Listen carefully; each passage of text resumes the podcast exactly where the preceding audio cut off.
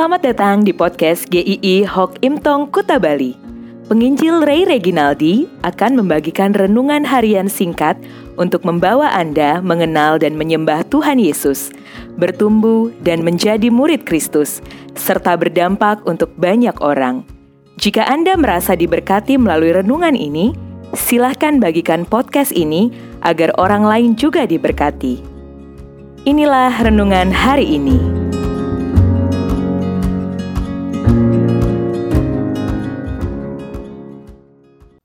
Salam keren. 2 Yohanes 1 ayat yang ketiga.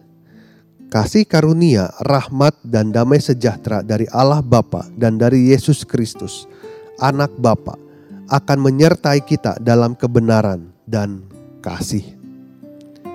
Ini adalah salam yang umum kepada jemaat-jemaat. Salam yang umum tetapi rasa spesial. Maka saya memberi judul salam keren. Kenapa? Dikatakan kasih karunia, rahmat dan damai sejahtera menyertai kita. Itu adalah tiga hal yang indah. Pertama, kasih karunia. Sebagai orang percaya, kita hidup karena kasih karunia. Kalau bukan karena kasih karunia Tuhan, kita tidak pernah percaya Tuhan Yesus. Seringkali orang bicara kasih karunia itu seperti hadiah diberikan kepada kita tanpa usaha kita ini sebetulnya kurang tepat. Kasih karunia adalah kita sebenarnya sangat memerlukannya, tetapi kita tidak berhak untuk menuntutnya, bahkan mendapatkannya. Sama sekali tidak punya hak, dan Tuhan satu-satu yang dapat memberikannya, tetapi Dia tidak punya kewajiban untuk melakukannya. Kalau kita bisa percaya kepada Tuhan Yesus, bukan karena kitanya yang mau, tetapi pada dasarnya karena Tuhan yang mau untuk kita percaya.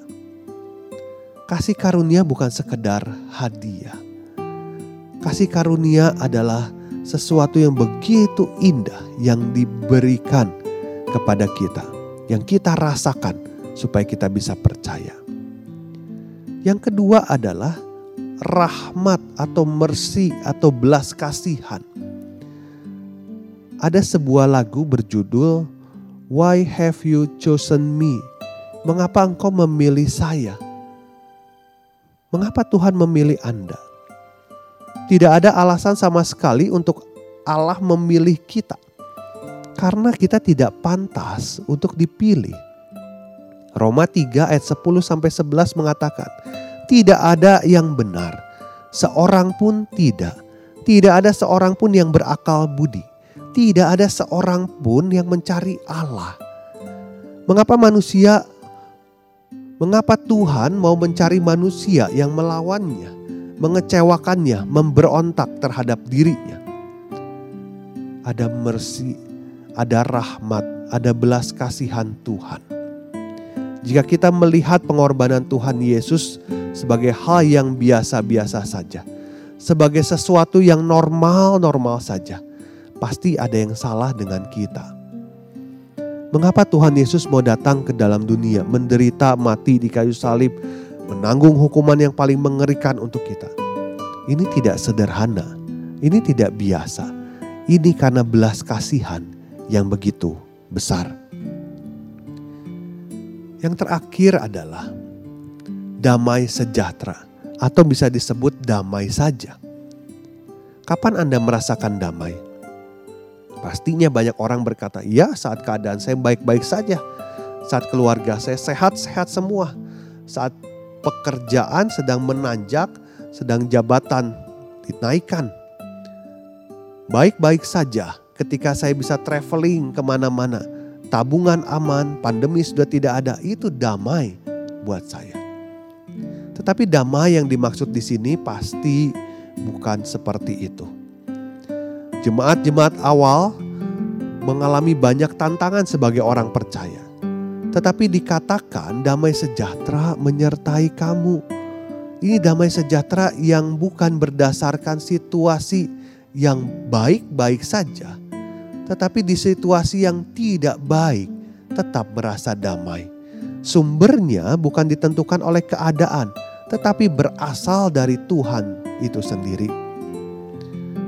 Rasul Paulus dalam Filipi 4 ayat 7 mengatakan, "Damai sejahtera Allah yang melampaui segala akal akan memelihara hati dan pikiranmu dalam Kristus Yesus."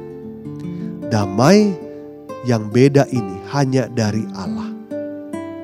Oh iya, satu lagi nih, jangan lupa. Kenapa kita bisa damai? Karena kita bukan musuh lagi dengan Allah karena Tuhan Yesus sudah memperdamaikan kita dan kita bisa memanggilnya Bapa. Kasih karunia, rahmat, dan damai sejahtera menyertai kita sekalian. Hidup kita bukan hidup yang kosong. Hidup kita adalah hidup yang penuh dan berlimpah kasih karunia, rahmat, dan damai sejahtera. Maka ada beberapa hal yang perlu kita lakukan. Pertama, Jangan lupa bersyukur ya. Bersyukur karena Tuhan sudah begitu baiknya untuk hidup kita. Bersyukur karena kita bisa mengenalnya. Kedua, jangan banyak khawatir lagi. Hidup lebih tenang. Lebih percayakan hidup Anda kepada Tuhan. Lihat lebih banyak kebaikan-kebaikan Tuhan. Ketiga, hiduplah dengan setia kepada Tuhan persembahkan hidup yang terbaik kepada Tuhan. Jangan sia-siakan hidup kita. Dan keempat adalah, kalau belum percaya kepada Tuhan Yesus, percayalah kepada Tuhan Yesus sebagai Tuhan dan Juru Selamat. Jangan ditunda lagi.